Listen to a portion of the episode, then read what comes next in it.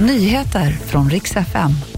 Det blev inget förslag om elstöd till företagen idag som trott. Mitt i julhandeln fortsätter dessutom BankID-tjänsten att ha driftstörningar. Nej, det blev inget besked om elstödet till företag idag som många hade hoppats.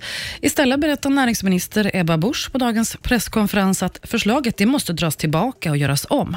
Nu ska man titta på två varianter. Det ena är ett generellt stöd och det andra är ett riktat stöd till elintensiva företag.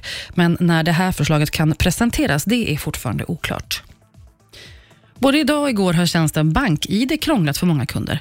Företaget meddelar att det finns inga tecken på någon stor cyberattack, men de har fortfarande driftstörningar som man försöker lösa så fort som möjligt. Det här gör att många tjänster krånglar. Swish däremot, det ska fungera som vanligt. Och en kvinna i Malmö hon vräks från sin lägenhet för att hon har sjungit för mycket. Tre, fyra gånger varenda natt säger grannarna att de kan vakna för att kvinnan sjunger så högt. Inte bara det, hon städar, hon flyttar möbler och tittar på TV när som helst under dygnet. Trots flera varningar har man inte sett någon bättring utan hon fortsätter att skråla. Så nu har hyresnämnden bestämt att kvinnan får flytta ut omedelbart. Så kan det gå. Det var de senaste nyheterna. Jag heter Maria Granström.